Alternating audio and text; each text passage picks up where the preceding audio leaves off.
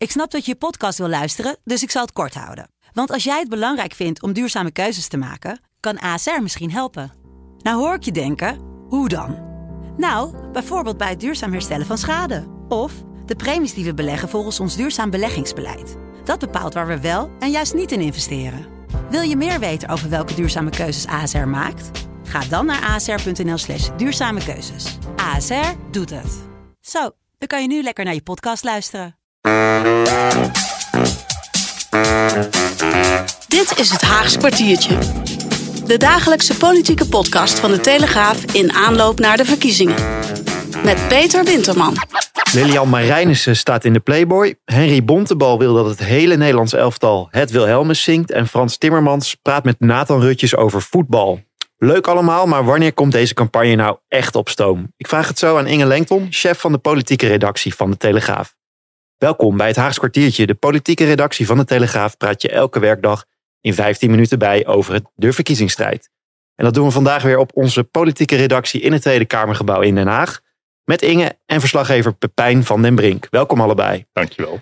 Straks bel ik ook nog met een politiek orakel. En vandaag is dat onze favoriete buschauffeur en oud-staatssecretaris Fred Teven. Maar we beginnen met Frans Timmermans. De lijsttrekker van PvdA GroenLinks stond deze week langs het voetbalveld met Nathan Rutjes. En dit filmpje is net online gezet. Hey Nathan. Meneer Timmermans.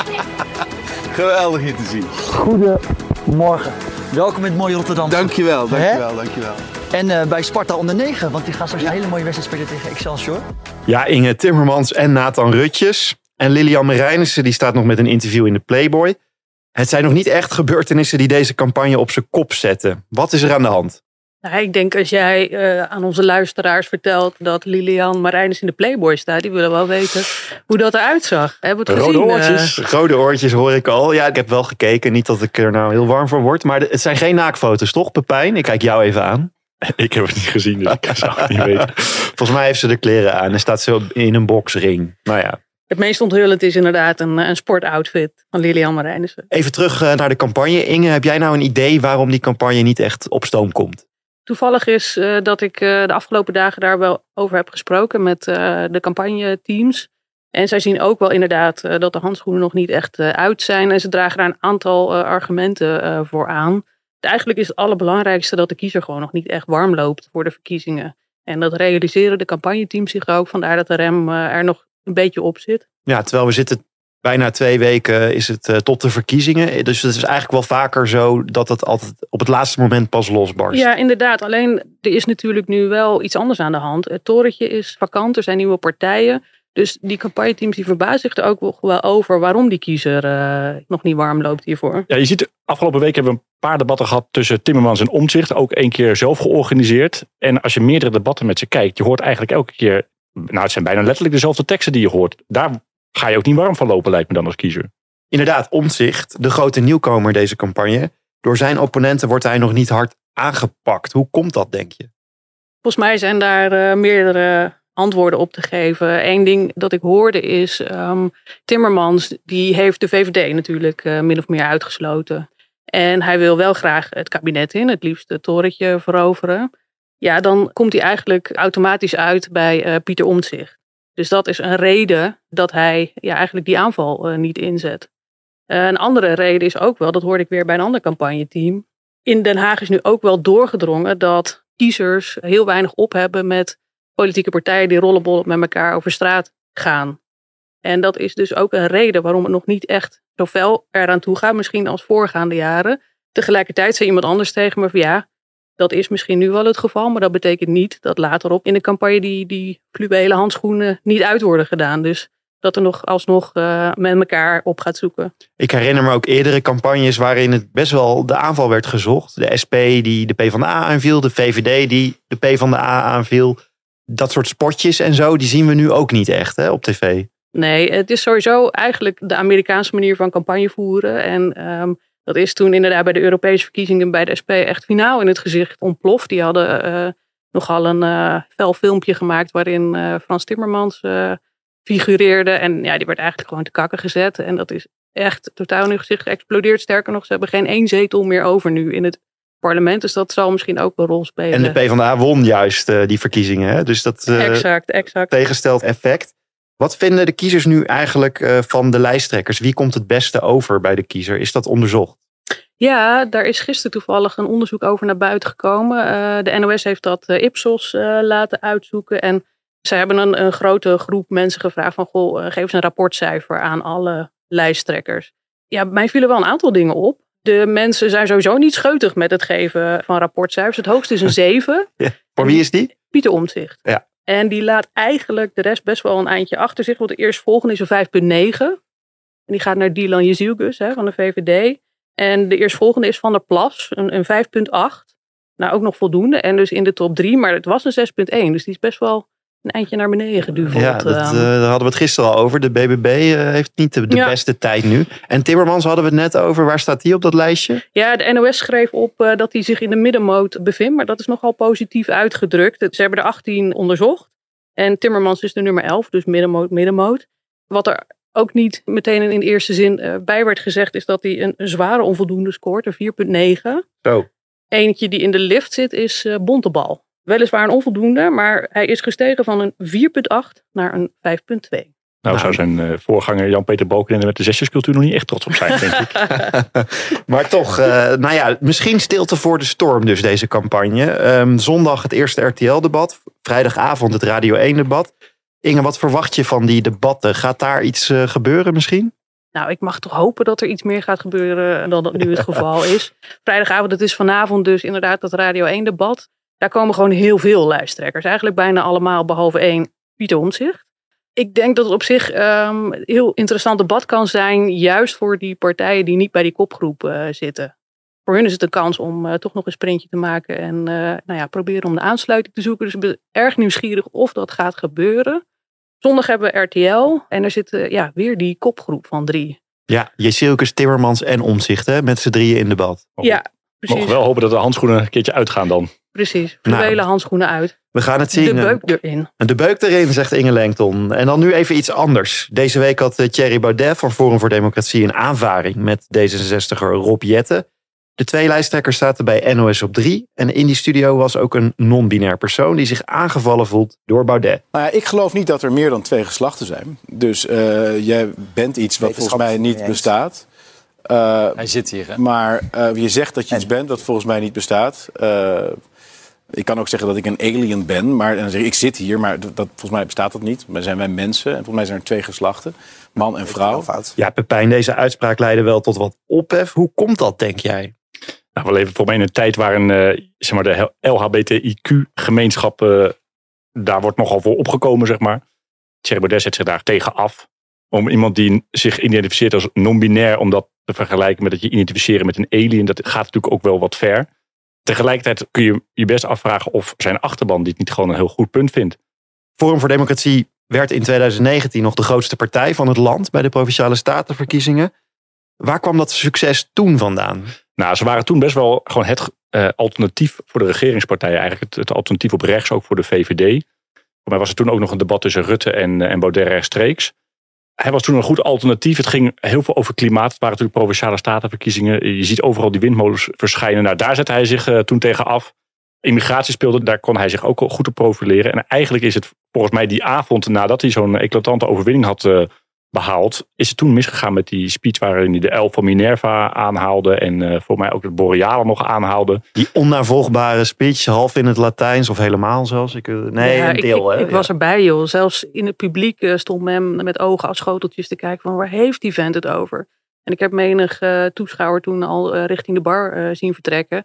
Zij waren wel toen inderdaad nog in een enorme overwinningsroes. Maar wat hij daar aan het bazelen was, dat interesseerde mensen niet. En ook later eh, bleek dat het een, eh, grote afhaker was. Ja, vier jaar geleden dus. Toen veranderde het meteen na dat succes. Inmiddels nemen weinig mensen in Den Haag Forum voor Democratie nog serieus. Waar zit hem dat in, Pepijn? Ja, je krijgt bijna de indruk dat zeg maar, overal waar eh, zeg maar, andere partijen voor zijn, zijn zij tegen. Kijk bijvoorbeeld naar Rusland-Oekraïne. Dan kiest hij gewoon ja, zonder meer voor Poetin. Gaat hij dat lopen verdedigen alsof het een vrijheidsstrijder is? Ja, hij schurkt een beetje aan tegen complottheorieën. Ik bedoel, de maanlanding heeft hij ter discussie gesteld. Ja, en daarmee is hij gewoon voor mij voor heel veel kiezers gewoon geen serieuze optie meer. Baudet zat gisteravond bij Marielle Tweebeke van Nieuwsuur. En daar legde hij uit dat alle andere partijen in de Tweede Kamer onder invloed staan van een buitenlandse macht, de Deep State. En al die partijen zijn volgens hem controlled opposition. Over al die thema's denken ze eender. Dus dan kun je je afvragen, ja, heeft het dan nog wel zin om op dat poppetje te stemmen? Of dat? Wij zijn echt U zegt dan, oppositie. hè? wij zijn de enigen anders. die, die het echte werk Ja, ik zeg maar dus, hoe moeten Nederland mensen is dat nou, eigenlijk een maar hoe moeten mensen dat nou aannemen eigenlijk? Wat, hoe kunt u dan bewijzen dat u dan niet controlled opposition bent? Nou, in, in- in mijn woorden, hè, dus eh, Forum voor Democratie is de enige partij die op een heleboel issues een fundamenteel andere positie inneemt. Ja, Baudet noemt Nederland dus hier een twee-partijenland. Volgens mij hebben we er meer dan eh, twintig in de Kamer zitten op dit moment. Maar slaat deze boodschap aan bij zijn achterban, zijn kiezers? Bij een kleine achterban die misschien helemaal zich afkeert van de Nederlandse politiek wel. Mhm. En waar hij op doelt is bijvoorbeeld dat heel veel partijen voor de Europese Unie zijn en voor Oekraïne, NAVO. Oekraïne steunen, voor lidmaatschap van de NAVO. En dat zijn partij daar eigenlijk met, op al die punten anders over denkt. En daarom zegt hij van ja, al die andere partijen zijn eigenlijk hetzelfde, hetzelfde laag in het pak. Ja. En, en wij zijn echt de oppositie. Dat is wat hij een beetje probeert. Maar goed, je ziet natuurlijk niet dat het echt aanslaat. Hij zat al een tijd redelijk stabiel op een zetel of vier in de peilingen. Maar dat is ook niet niks, hè? Vier zetels. Ik bedoel, de ChristenUnie zit met vijf zetels in, al jaren in een kabinet. Dus je telt wel mee met vier zetels in het parlement. Ja, je telt wel mee tegelijkertijd. Ze krijgen ook niet heel veel voor elkaar. Nee, precies. Ik, eh, ik, ik kijk nog even met eh, een schuin oog naar dat waarderingsonderzoek eh, waar ik het net over had. Ja, de hekkensluiter is dus Baudet. Hij krijgt een 2,5. Eh, een 2,5. En Ja. vinden we het hoog of laag? Ja, het is het allerlaagste wat, wat er is. Ja. Maar ik bedoel Oh, ja. omdat een heleboel kiezers... Jij vindt het nog hoog?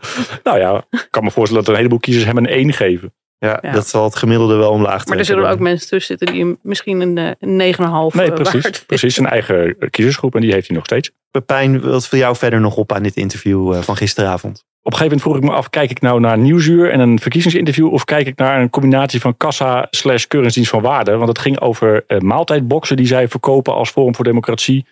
Waar dan, nou ja, ze zeggen van de lokale boer, van de Nederlandse boer. En dat was dan, nou ze deden zaken met eh, een of andere grootgutter die aan Griekse restaurants leverde en zo. En dan moest hij daarop ingaan van waar komen je producten eigenlijk vandaan en klopt dat wel wat je zegt? Ja, ik vond het vrij wonderlijk. Misschien eh, dat Baudet dat doet omdat eh, ook wel een deel van zijn achterban is overgelopen naar BBB.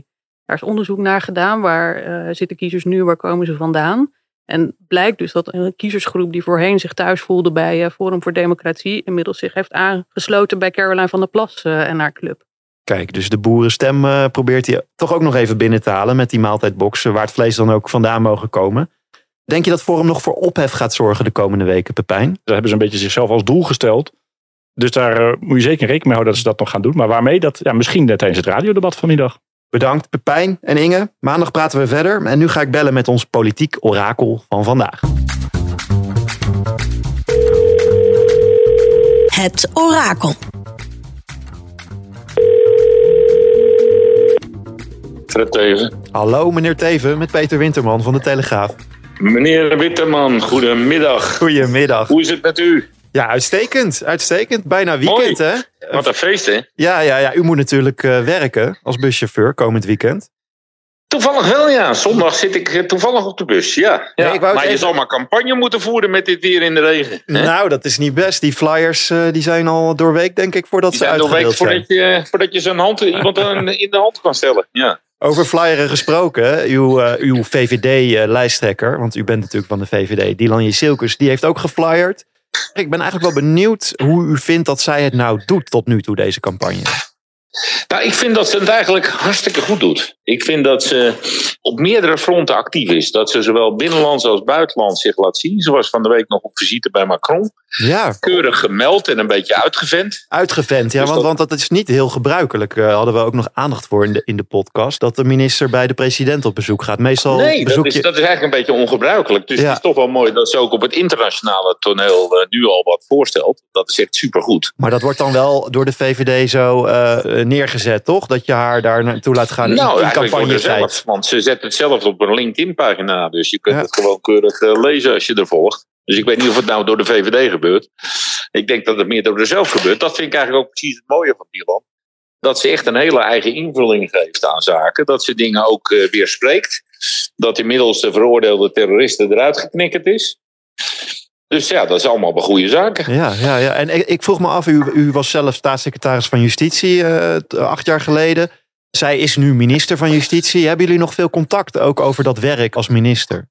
Nou, we hebben wel eens contact gehad de afgelopen jaren, ja zeker. Ja, ik ben wel eens een paar keer met haar op de koffie geweest. Maar niet omdat dat, dat ik nou ga vertellen wat ze moet doen of niet moet doen.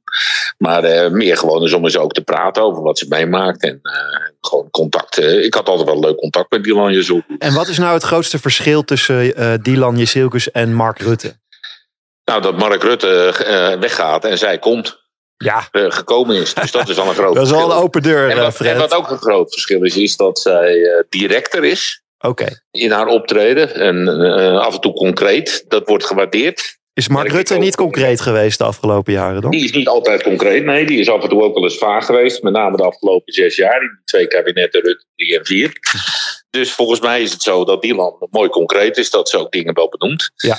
En eh, dat het een dame is, maakt dat ook nog uit voor u? Van, eh, misschien wordt Nou, zij de heb eerste vrouwelijke heb ik, eh, premier. eigenlijk altijd op een, op een dame gestemd. Dus voor mijzelf maakt het wel uit. Ik heb altijd op een dame bij de VVD gestemd de afgelopen 30 jaar. Behalve die ene keer dat ik zelf bij Leefbaar Nederland zat. Oh ja. Maar anders heb ik altijd op een dame gestemd. Dus ja, waar ik niet altijd even enthousiast ben over de rest van de lijst, ben ik het over de lijst aanvoerder wel. Kijk, dat belooft wat natuurlijk voor de komende tijd. De steun van Fred Teven heeft Dylan Jezielkus in de pocket, kunnen we zeggen. Ehm, ja, dat is absoluut zo. Volgende week hebben we weer genoeg eh, te bespreken, meneer Teven. Graag tot dan. Het lijkt me wel. hey, meneer Witteman, tot ziens. Hè? Tot ziens. Dag. Fijn weekend. Dit was het Haags kwartiertje. Maandag om half vijf zijn we er weer. Je beluistert ons op telegraaf.nl en in je favoriete podcast app. Vergeet niet te abonneren en een heel fijn weekend.